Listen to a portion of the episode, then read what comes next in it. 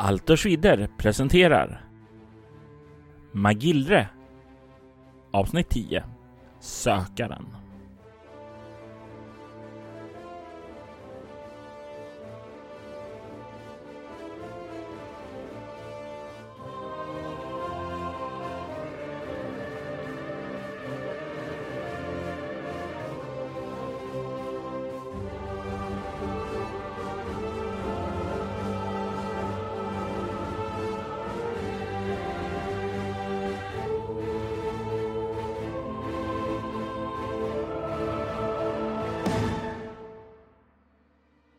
Sanko befann sig på ett heligt uppdrag. Ett uppdrag som han inte vet vad det egentligen går ut på eller var de är på väg eller varför de är på väg. De ska hämta någon relik.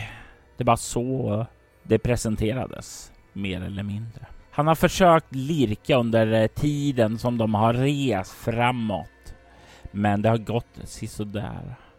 Om man ska få reda på någonting så gäller det att ta reda på det själv. Det var så Sanko tänkte när han stannade vid ett par pelare som tornade upp sig längs stigen som de färdades med.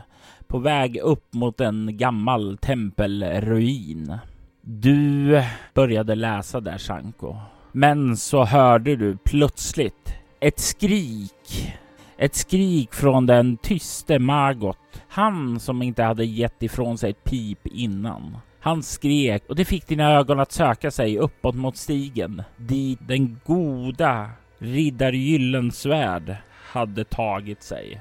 Du såg då hur en sten föll ifrån klipporna ovan, landade i skallen på riddaren och krossade den obönhörligt likt en porslinsvas som faller ifrån ett bord. Allting kan gå i tu, men riddarens huvud har gått i tusen bitar. Maggot tystnar och bara stirrar bort dit. Vad gör du Sanko? Eh, min första tanke, eh, förutom att, ja, chock, eh, är nog att den där stenen föll nog inte utav sig själv så att eh, jag börjar nog kolla upp mot varifrån den kom för att se ifall det är någon som har satt det här stenblocket i rörelse. Se om man kan se någonting. Om möjlighet finns plockar jag samtidigt upp min båge. Det är inga problem att plocka upp bågen där, eh, men jag tänker att vi slår ett fina dolda tingslag för att se vad du ser om någonting alls. Eh, jag slår nio, vilket är lyckat. Du skymtar där uppe att det inte verkar vara någon där. Men du kan se en passage just där eh, Riddar Gyllensvärd har passerat där. Att det är en liten utstickande klippa där som ser ut att vara ganska dåligt skick. Det verkar vara en sten som har gett vika därifrån som krossat hans huvud. Det förefaller sig vara naturligt. Mm. Den misstänksamma delen utav mig eh, tänker nog ändå att risken eller att drabbas av något sånt här är ju oerhört minimal. Eh, speciellt när vi liksom kommer till en plats där det känns som att vi är någonting på spåret. Men om det ser ut som att det inte liksom är något mer som är i rörelse så rör jag mig fram till eh, Magot och eh, den döde eh, riddaren. Eh, och lägger en tröstande hand på axeln på Margot. Margot har ju börjat vandra fram emot Riddar Gyllensvärd och eh, du kommer ju upp ungefär lagom då han står och betraktar där. Det är en ganska vidrig syn att se. Den, tidigt den tidigare totalföra riddaren har ju fått sin övre knopp krossad och det är ju geggigt över marken då hjärnan och kött har blandats tillsammans med de kvarvarande benbitarna och lämnat nedre delen av huvudet öppen som en liten kopp. Du kan se hur Margot suckar, ställer ifrån sig sin väska och böjer sig ned vid den för att börja plocka fram någonting.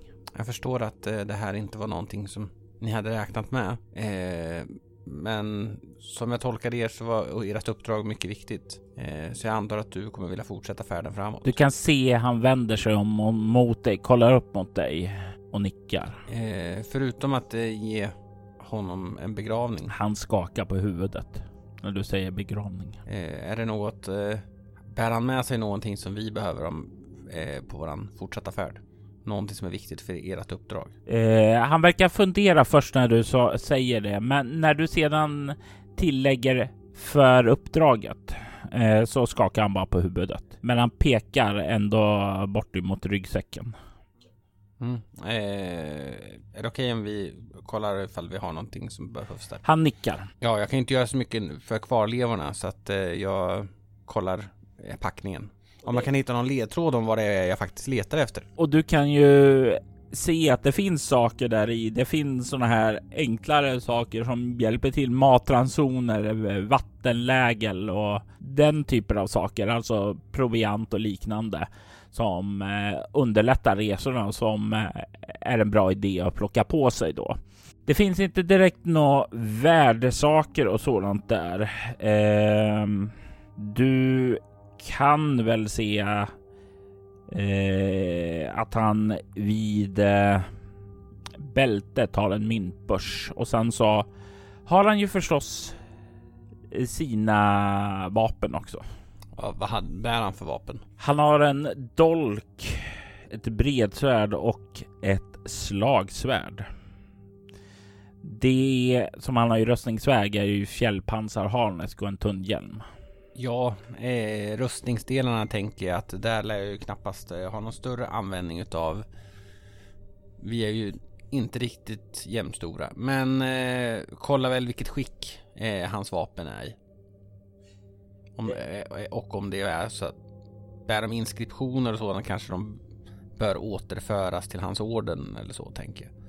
Vapnen i sig sticker inte ut på så sätt. Du kan dock se att det är vapen som eh, verkar eh, tagits hand om väl. Som att eh, de har polerats, putsas och liknande. Så det är någon som har vet hur man ska vårda sina vapen, men det är inget extraordinärt eller någon markeringar eller sådant på dem. Jag ser Margot, han var han var inte väpnare, utan, men, men, utan mer kanske typ som en, som en präst eh, i en religiös orden. Visst var det så? Att de helt enkelt hade olika roller, men det var inte en eh, riddare väpnare relation de hade. Nej, eller ja, lite grann. Inte väpnare i sig. Han är väl lite grann som en väpnare, tjänare, präst, eh, assistent, eh, vän, kollega. Lite grann av en allt i allo. Ja, nej men eh, jag gör nog så att eh, ja men eh, provianten plockar vi väl på oss och eh, vatten. Eh, eh, sedan räcker jag väl, sträcker jag väl fram. vill ni nyttja den gode riddarens vapen eller, eller någon annan utrustning? Han skakar på huvudet och gör en gest som ungefär ta dem du. Ja, jag upplever inte att de verkar vara i bättre skick än de jag har. Utan då tänker jag nog kanske att, ja men ska vi konkurrera runt på en massa mat så tänker jag nog att de kanske får vila med den gode riddaren. Eh, mm. eh, här. Eh, och eh, tydligen så vill inte han att vi skulle ja, bemöda oss med någon eh, begravningsceremoni. Men eh, har ni no in inom eran orden någon typ av sista smörjelse eller någon typ av välsignelse för den här gången? Han håller på att plocka fram eh, en del eh, påsar med blomblad och en del oljor och liknande rökelser som han börjar sätta upp. Så det verkar ju, ja, inte som att han vill att kroppen ska begravas, men någon form av religiös rit verkar vara på gång i alla fall. Margot, vilken betydelse har insekter i din, er religion? Jag har noterat att ni, blommor och insekter verkar vara sånt som ni offrar. Jag tänker mig att du kan förslå ett slag för att upptäcka fara. Och upptäcka fara här är då inte lite, inte som att det faktiskt är en fara, utan lite grann att läsa av kroppsspråk och känna av subtila signaler.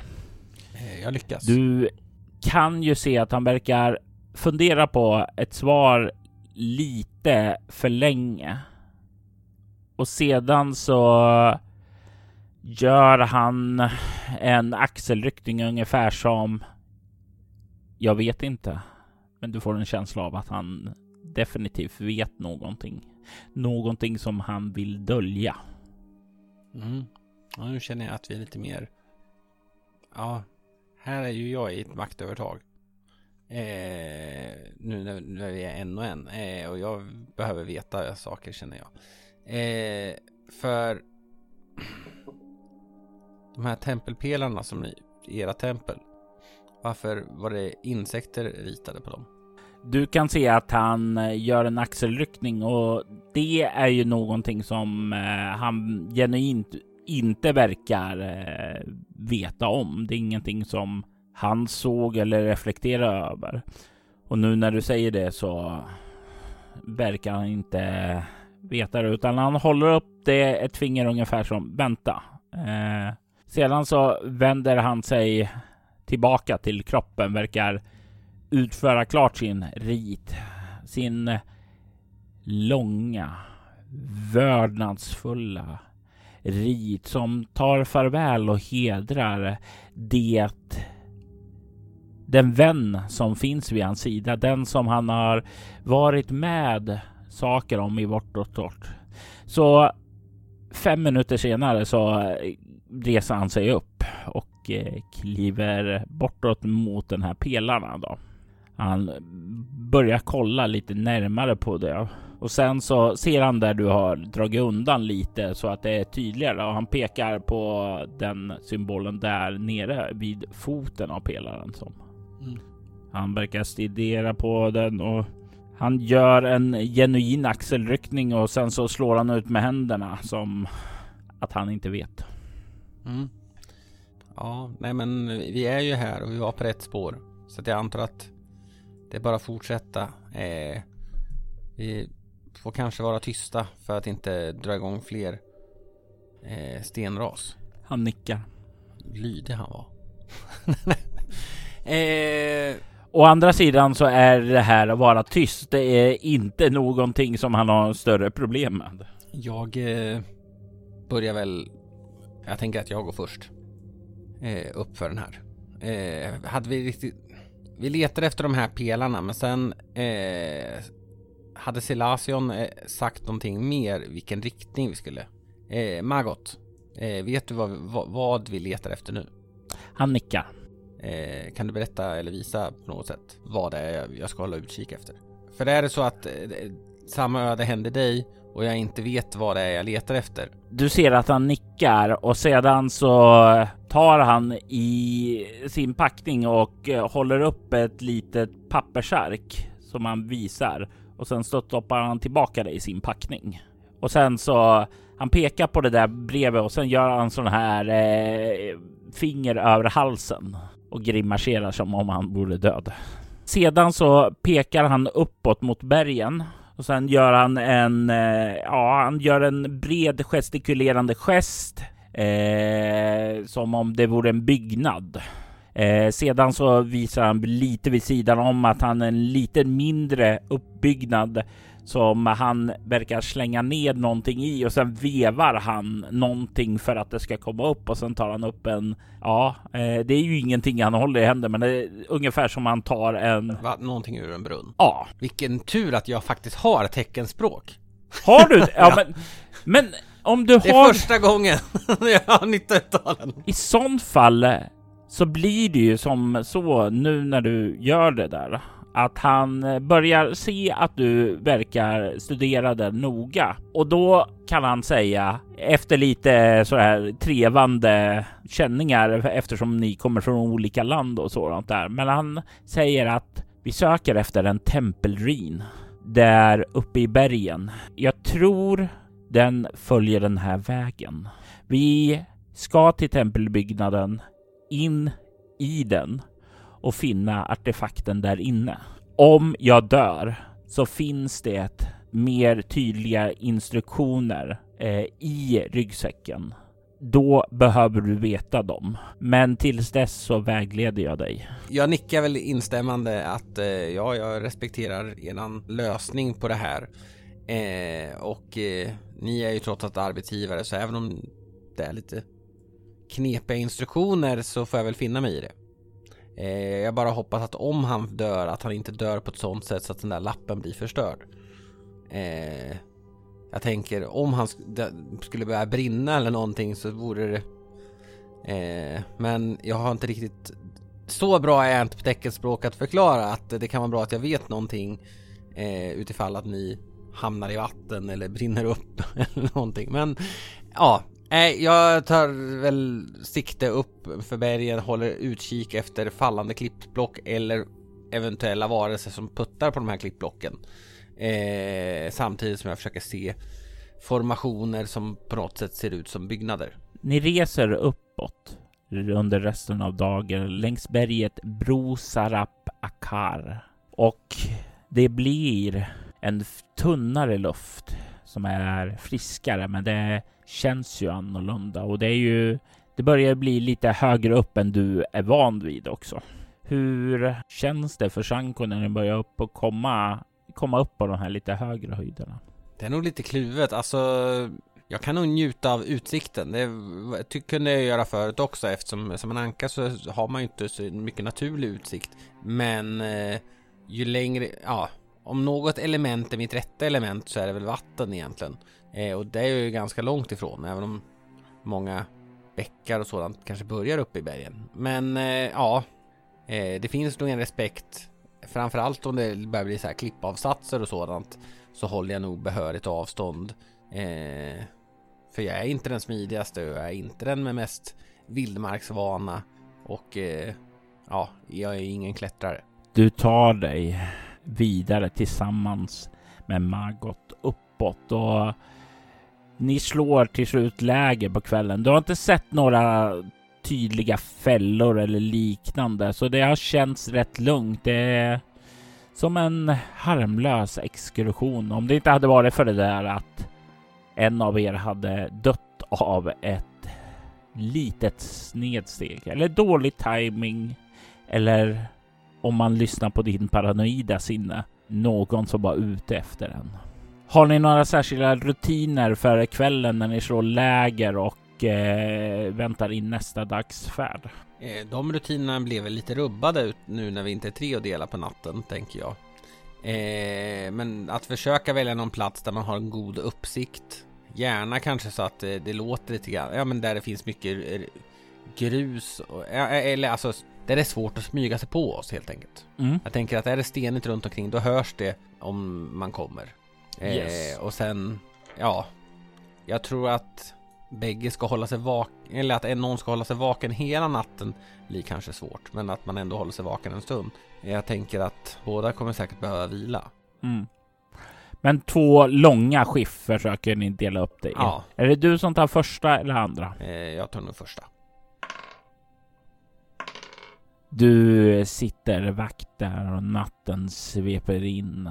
Det blir kyligare här uppe än det har varit senaste dagarna då. Så det är lite huttrande där och har ni satt igång en eld där? Hur god tillgång till, finns det till ved och liknande? Det finns kanske inte stora träd och sådant där, men det finns ju lite. Jag tänkte så här små enstaka träd som är dött träd. Det finns buskar och buskage också, så det finns ju saker att göra eld av. Jag tänker att eh, vi har, jag har inte fått några indikationer från de här att eh, det skulle finnas andra människor eller andra varelser. Det vi har sett är ju djur. Ja. Och djur, djur kan ju snarare rygga tillbaka från en eld än att springa till en eld. Så att jag har nog propsat på att vi gör en eld såvida inte Magot har protesterat. Utifrån att han känner kanske området bättre än vad jag gör. Det har han inte gjort. Nej. Så då har vi nämnt. Då är det ju lite behagligare då att känna att man inte fryser och sådant för man kan värma sig vid elden. Men det blir eh, efter midnatt och du kliver iväg och väcker Margot och sedan så går du och lägger dig. Natten förflyter och morgonen kommer. Du vaknar sakta upp inte av att någon eh, väcker dig, utan eh, av det faktum att du är helt utvilad. Att du känner dig, ja, väldigt, väldigt utvilad för att ha varit vaken så länge. Och när du öppnar ögonen då så ser du att det är inte morgon. Det är inte förmiddag utan det är snarare framåt lunch. Kollar mig väl runt och ser om, eh, om eh, ja, lägerplatsen har eh, övergivits eller om det är så att eh, Margot har somnat ifrån. Lägerelden har ju slocknat vid det här laget då och eh, det verkar inte som om det här är övergivet utan se borta där Margot satte sig för att vaka hur han han verkar ha somnat för han har, ligger nu på marken där. Eh, jag går väl fram och petar på honom. Eh, Margot, dags att vakna. Vi har försovit oss. När du petar på honom så ser du att du inte riktigt får en sån här mjuk respons utan det är lite grann hårt och stelt. Uh, Margot! Och ruskar om lite. Och när du ruskar om där så kommer han eh, lite ned på rygg och du ser upp ur hans ansikte som är krampaktigt förstelnat i ett plågsamt uttryck. Du kan se att han verkar ha något bett i halsen och eh, lite längre bort så kan du se några ringlande spår som leder undan därifrån. Ja, eh, jag, ja, allt pekar ju på att han är död, men eh, kollar efter hjärtslag. Eh... Du behöver inte slå ett slag för att konstatera att han är stendöd. Trevlig utflykt. Och det ser ut som något litet ormbett. Ja. Jag eh, börjar väl i så fall kolla igenom hans packning. Bland annat efter de där instruktionerna. Du hittar det här kuvertet med instruktionerna, men bortsett från det så verkar han mest, ja, det, han har lite saker så här oljor och eh, olika ört och växtblad och den typen av saker också. Jag, med tanke på att jag, ja, jag är inte djupt troende, men eh, ändå troende. Jag har ju sett deras ritual lite grann. Mm. Det var någonting om att krossa insekter och blommor och oj oj oj. Eh, det, såg jag någonting av det han gjorde mot eller med för Silasion? Låt oss se genom ett intelligenslag. En etta. Så slår vi igen. 16. Mm, eh, är det intelligens eller teologi? Eller teologi, då är intelligen, intelligens för att minnas ja. Eh, däremot så, eftersom du minns så kan du få slå ett teologislag eh, för att utföra den här ritualen då. Alltså genom bara utföra den så är det ju utgår ifrån att det kommer vara så här försöka vara respektfull och sådant där. Men eftersom du lyckades med slaget så ger det en CL plus 3. Jag slår 18 så nej. men jag gör så gott jag kan. ja, men det blir ju så här i grunden så här respektfullt som man kan. Är tyst. Eh, försöker vara vördnadsfull. Strö lite av de här blommorna över det och sen så skvätta lite av den här oljan för att dofta ned honom. Eh, lite så och sedan ja, liksom buga lite respektfullt. Fast eh, det var ju något som Margot inte sa eftersom Nej. han inte Nej. var mannen som sa något. Nej, men jag kan prata. eh, så ja, sedan börjar jag nog packa ihop det, den packning som jag orkar bära och ja, eh, det jag bedömer vara viktigast. Kollar igenom den här, öppnar det här brevet. Kära Sanko. Som du säkert har förstått så letar vi efter en av Cabrinsis tre artefakter. Vi söker efter Mindusvinet. Jag och riddar Gyllensvärd var sökare. Vi var präglade att finna artefakterna. Och nu så är du en av oss. Den gång vi möttes och skålades i vinet så blev du en av sökarna. Och vi sökare lever på lånad tid. Om inte vi finner artefakterna så kommer gudarna att straffa oss på alldagliga sätt. Det sker ofta genom en olycka. Om du läser det här brevet så har gudarna tagit oss och din överlevnad hänger nu på att du finner Mindusvinet i tempelruinen och för det tillbaka till huvudabotten i Cabrinci-området. Det här kuvertet med brevet då finns det även en kartskiss över var den här tempelruinen ska vara, vart ni är på väg och du kan väl, ja, har du geografi? Ja. Slå ett slag för det. Jag slår en åtta och har nio så att... Du skulle gissa att det är några timmars färd kvar dit och du har inga som helst problem att manövrera det. Det finns även en allmän karta över Magillre och på den här Magillre-kartan så är det en plats, Efron Zink, som är markerad. Och där i Efron Zink finns det dessutom ett eh, mindre plats, eh, ett litet kryss där det står Cabrinci-området. Och sen så går en sån här utmarkerad streck eh, till det här området som verkar eh, visa på den bästa färdvägen dit. Du verkar vara en godhjärtad man, Sanko.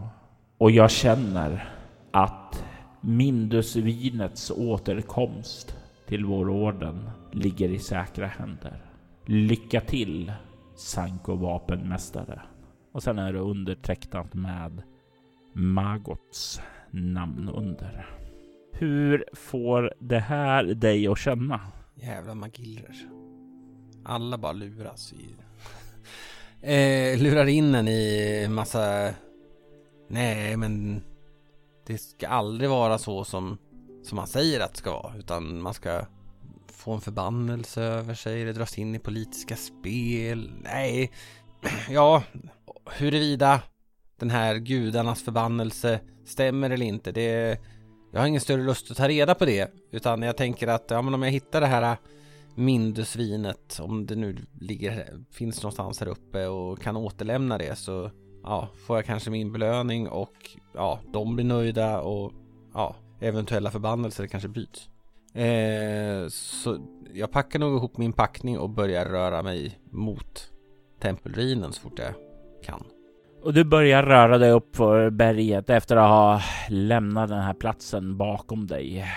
Nu med ditt eget liv hängande över dina axlar som ett ok.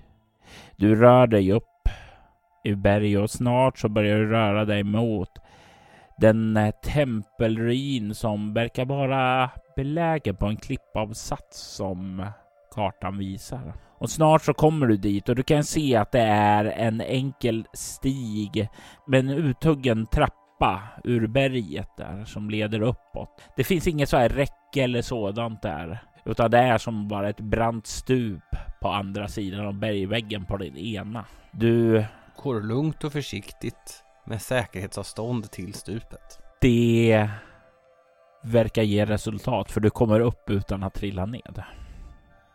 Och du kan se ut på en tempelruin. Det är inte särskilt mycket att se här. Du kan se att det verkar finnas ja, endast ett par väggar, kanske några pelare, ett halvraserat torn och en trappa som eh, verkar stå kvar i sin ursprungliga position.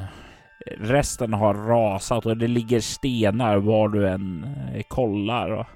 Mossa har växt över det mesta och det hela platsen ger intryck av att vara mycket gammal. Du kan även vid sidan om eh, ruinen se en brunn. Tror brunnen fångar nog mitt intresse först eh, kopplat till vad den gode Margot tecknade till mig. Så jag väljer nog att styra mina steg dit först. Du kommer fram till brunnen och du kan se att den verkar vara fylld med slam och verkar sträcka sig ner knappt två meter. Längst ned kan du dock se att det finns ett hål i väggen, drygt en och en halv meter i diameter. Marken verkar ha trampats upp och jag tänker men du kan få slå ett fina dolda tingslag. Jag lyckas. Det ser ut som det är små fötter som verkar ha trampat upp det där. Du kan också känna slammet och så. Det verkar lukta ganska fränt och obehagligt ifrån det. Fötter eller spår? Alltså, är det människofötter, med skor eller är det djur? Ja. Jag förstår, jag är ingen spårare på något sätt, men eh, Du kan slå ett spåra. En tvåa. Det borde jag ha. Eh, ja, jag har fyra. slog en tvåa. Du kan se att spåren verkar inte mänskliga utan ja, det ser ut som insektoida spår, kanske stora myror. Så den här känslan från att det är små spår börjar ju snart förändras från att känna att det är smått till någonting som är stort, även om det är mindre än kanske vad en människa lämnar ifrån sig när de vandrar. Mm. Och av någon anledning så blir jag inte förvånad över att det är insekter. Men du sa att eh, gången in där var ungefär en och en halv meter hög. Ja, Så jag skulle textet kunna gå upprätt där jajamensan. om jag tog mig ner. Eh, och att ta sig ner där. Det är ju i stort sett två meter ned dit, så det är ju inte några som helst problem. Nej. Eh, det här slammet. Jag prövar, det fanns, sitt- finns det någon hink som man liksom kan fira ner i? För att kolla, ja men om, om det var en brunn. Som man kan fira ner. Tänker att jag vill veta ungefär vad det är för slam jag riskerar att landa i. Och hur djupt det kan tänkas vara. Eh, du ser ju ett gammalt rep som går ner i slammet. Finns det en vev så försöker jag väl veva upp den. Annars så dra, försöker jag dra lite grann i repet. Det finns ju en gammal vev och du drar där och det gnisslar eh, illavarslande och du känner ju hur det är motstånd där och du får trycka till lite och sen så säger och du eh, nästan snubblar omkull där när eh, veven plötsligt går väldigt, väldigt lätt uppåt där. Du får upp en repstump. Mm. Men jag tänker nog ändå att i det jag har plockat på mig, alltså någon typ av eh, lykta eller något sådant, hade de med sig något sådant? Ja, Då, jag ser nog till att tända en sådan lykta. Eller i alla fall ta med mig en sådan lykta så jag har möjlighet att tända den när jag kommer ner. Och försöker på det smidigaste möjliga sättet att eh, ta mig ner i den där eh, gången eller vad det kan tänkas vara. och det är ju bara att lägga händerna där ovanför och sänka ned sig där. Du landar ju där och känner hur lite sådär. Ja, det är ju lite sådär eh, halt först där innan du riktigt börjar känna det. Men det är inte allt. Du sjunker inte ner djupt i det eller sådant där. Det klafsar ju lite när du börjar röra dig där, men det är ganska snart som du vänjer dig vid det.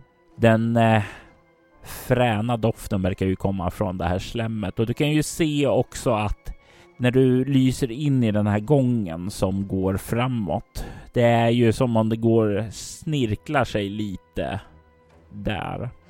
Att den eh, verkar ha samma så här lite slem fast mindre klafsigt och lite mer torkat på väggarna och sådant där.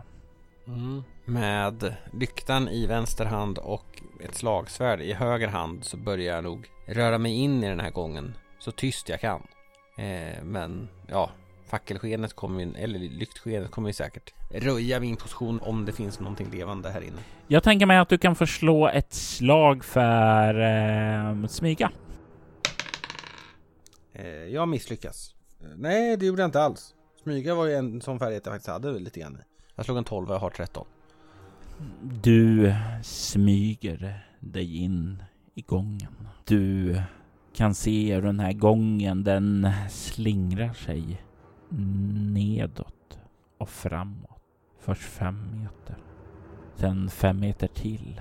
Men så när du börjar komma ytterligare fem meter, alltså 15 meter in, så kan du se hur den kommer ut i en liten större gång och det verkar finnas ett myller av de här gångarna som sprider sig vidare. Jag tänker mig att du kan få slå ett slag för upptäcka faran. 20!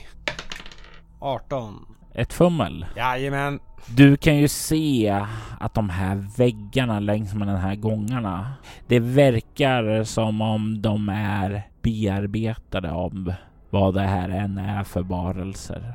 Så att de verkar ja, inte vilja bara ta sig in här utan det känns som om du börjar röra dig in i deras näste nu.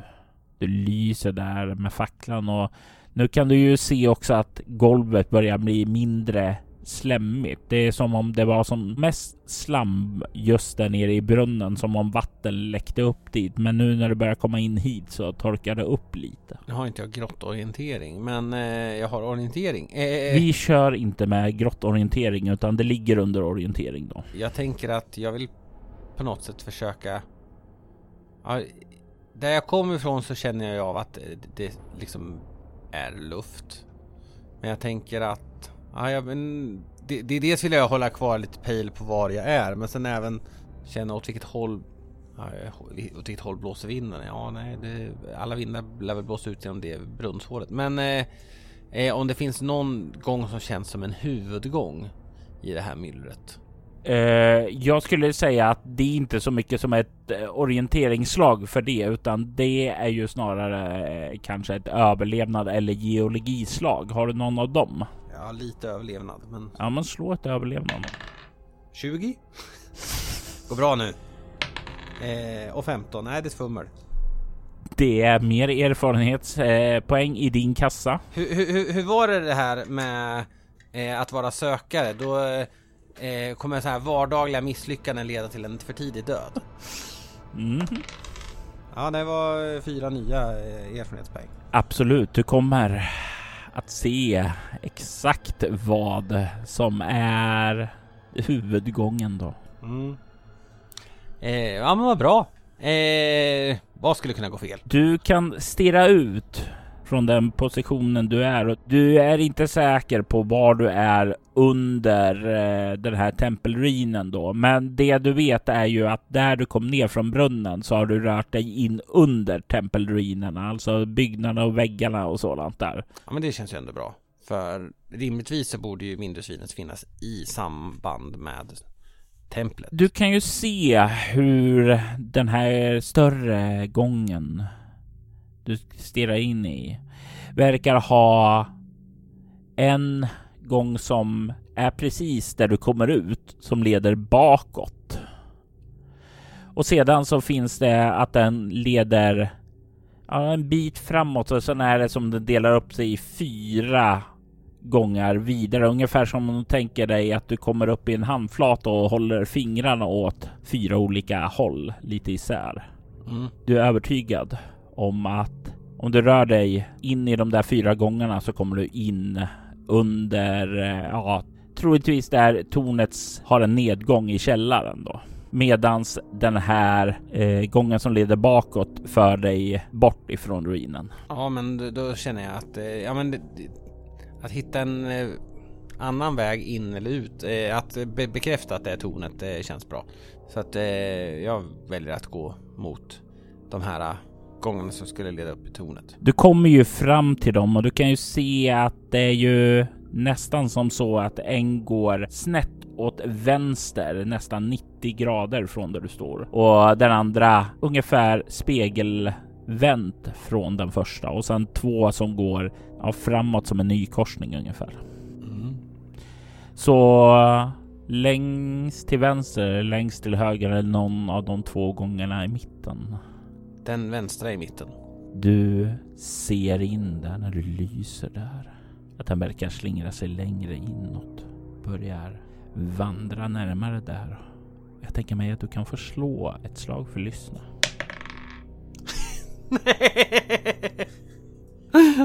Det är tredje 20 i rad. Slå igen! Jag ser, slog 12. Och jag har 11. Ja, du kan ju rutinerna vid det här laget. Ja, nej men kul med erfarenhetspoäng. Känner att eh, tre fummel i rad kan ju inte leda in i en säker död. Du vandrar in genom den långa gången. Du kan känna den här kraftiga och fräna stanken.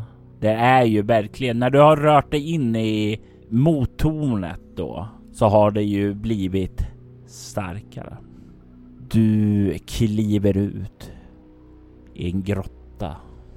Och du ser det inte först där, men snart så kan du se i fackelskenet att den är helt utan riktig möblering. Du kan istället se höga med ris och löv som finns överallt. Du kan se hur du när du kliver ut där ser en gestalt som kollar emot dig. Du kan se att det är en varelse med en rödbrun myrliknande kropp med fyra ben och två armar. Armarna har trefingrade händer som inte är riktigt lika smidiga och bra som människohänder. Du kan se hur dess långa känslospröt rör sig då den pejlar sin blick emot dig. Du kan se hur den verkar betrakta dig. Som om spröten liksom böjer sig fram och liksom viftar lite i luften emot dig. Uh, historia, känner jag till några intelligenta insektsvarelser som har funnits i historien? Slå ett eh, historiaslag. 19. Nej, jag har 16 så att eh, det var nära. Alltså, det är ju någonting som du känner till att det, det var ju inte intelligenta, men du vet ju att under den tredje konfluxen så sveptes ju någonting som kallas för köttbitingar. Eller köttbitare. Över Ereb och spred kaos och nästan sänkte det in i mörkret. Men det är ju ingenting som liknar det. Du har ju hört talas om uppe i Trakorien också om eh, ragoner. En form av insektoidstam. Men eftersom du inte lyckas med ditt slag där så vet du inte särskilt mycket om det. Men i Trakorien kallas eh, insektoidfolk för ragoner tror du. Den här eh, insekten som känner efter mig, den är själv här inne. Förutom jag. Det är vad du ser ja. Eh, hur stor sa du att den var? Ja, den är väl ungefär i samma storlek som dig. Jag eh, är väl beredd på att den kan tänkas göra ett utfall men eh, gör Står väl lite avvaktande. Håller koll lite grann på ifall det är vad den gör. Den eh, verkar passiv. Den står där. Kan höra hur det klickar lite ifrån dess mandibler där. Men den verkar inte röra sig aggressivt mot dig. Du kan ana att det finns en gång vidare där. Och eh, du kan eh, se... Jo, den är inte ensam. Du kan se hur eh, ett av buskagen re reser sig en annan upp. Det verkar som du har klivit in i någon form av sovsal för dem. Och du kan se hur den lite förvirrat börjar också slå lite med känslospröten utåt. Ungefär som den försöker bilda sig en uppfattning om vad som pågår. Och sedan vrider den sitt huvud mot dig och kollar på dig också. Gångarna är så pass stora så om de skulle få för sig att attackera, om jag backar så kan, kan jag se till att de är en och en som attackerar mig i så fall. Gången där som du har vandrat är ungefär två meter bred. Okej. Okay. Ja, men då kan de i alla fall inte flocka sig runt mig. Men det fanns en gång vidare sa du? Ja. Men då måste jag gå förbi alla de här? Ja. Eller alla de här två? Eh, jag backar väl? När du börjar backa tillbaka så är det någonting du hör komma bakom dig. Tack vare alla dina fummel här så har du inte lagt märke till när de har larmat efter sina soldater. Du kan höra bakom dig hur det börjar chippa och låta när de liksom klickar med sina mandibler mot varandra och hur fotsteg kommer rörande sig två, tre stycken bakom dig i gången. Eh, och det var två fram som jag ser hittills framför mig som verkar lite nyvakna. Ja. Och de låg i en lövhög. Ja, och du kan se att det här inne verkar finnas eh, fyra lövhögar. Jag gör nog så att eh, jag har ju en lykta i ena handen. Mm. Jag öppnar den och försöker kasta den på en lövhög eh, samtidigt som jag vänder mig om för att möta de här soldat eh, eh, och dra mitt andra svärd. Eh, alternativt sätta eld på närmsta lövhög. Eh, för att sen vända mig om. Vill du slänga iväg en och försöka sätta eld på en och dra vapen eller vill du sätta eld på en hög och ha kvar facklan i? Hur svårt bedömer jag det att, att träffa? Det är alltså... beroende på vad du har i kastvapen. Ja, det har jag ju inte så att... Nej, men eh, jag tänker nog att eh, jag vill nog sätta eld. Ja, jag får väl vara beredd att eh, sätta eld och sen eh, ja, om jag märker en attack så försöka parera den med svärdet. Men eh, ja. Du sträcker snabbt fram den där och eh, du sätter ju eld på den här lövhögen. Du hör direkt ett skrikande ljud från den eh, grävare som eh, liksom väcks av att eh, det blir barbecuad där. Den kastar sig upp emot dig och det är eftersom det då är eh, en ny runda så ser du det här först där. Och eh, eftersom jag vid det här taget har lärt mig att du är snabbslående där så är det du som kan få börja göra en initiativ. Ja, eh, jag väljer nog att attackera den. Mm. Om jag vill dra mitt andra vapen, gör jag det först eller sist? Eh, I det här fallet kanske det är så att eh, i och med att jag precis har satt ifrån mig lyktan så kanske jag attackerar först. Vid det här laget så kommer du inte få använda två vapen nej, nej, nej, utan... Men, men, men jag tänker till, till, kommande rundor. Ja, det gör du sist i rundan då. Ja. Eh, nej men jag attackerar. Ja, jag träffar. Slå skada. Eh, nio i skada. Den eh, brinnande insektoiden eh, ger ju ifrån sig ett skrik när den attackerar. Du eh, har ju inga problem dock att träffa den och du klyver dess eh, överkropp från dess undre och den faller död till marken brinnande. Du ser hur den här elden brinner bra och lyser upp grottan där. Och i eldens lågor så kan du se hur de andra grävarna här börjar i panik springa bortåt mot en gång som leder vidare här. Flyr ifrån pyromanen i deras rum. Du drar ditt svärd och kollar emot de soldater som är på väg in i rummet. I detta avsnitt hör vi Jimmy Jonsson som riddaren Sanko Anka och spelledare var Robert Jonsson, som även stod för klippning och ljudläggning. Magillre är en bok som skrevs av Theodor Paus och gavs ut 1991. I detta avsnitt spelar vi äventyret Det heliga gudavinen som finns i boken. Altors Widders temamusik gjordes av Andreas Lundström, som även bidrog med musik till avsnittet. Övrig musik gjordes av Aski. Magnus Erlandsson, Randall Collier Ford, Tabletop Audio samt copyright-fri musik. Söker du efter fler poddar i liknande stil som Altors Vidder rekommenderar vi Soläventyr och dess många berättelser. Du hittar mer information om den på bortom.nu. Du kan följa oss på Instagram och Facebook som Altors Vidder eller Spela Bortom. Det går även bra att mejla oss på info.bortom.nu. Vill du stödja Roberts fortsatta kreativa skapande kan du göra det på patreon.com snedstreck Robert Jonsson. De som backar får tillgång till exklusiva poddar och rollspelsmaterial. Jag är Robert Jonsson. Tack för att du har lyssnat. Vi vill ta tillfället i akt att tacka, hylla och hedra våra Patreon-backare. Daniel Lans, Morgan Kullberg, Marcus Florberger, Niklas Österlund, Ty Nilsson och Fredrik Derefelt. Ert stöd är djupt uppskattat. Tack!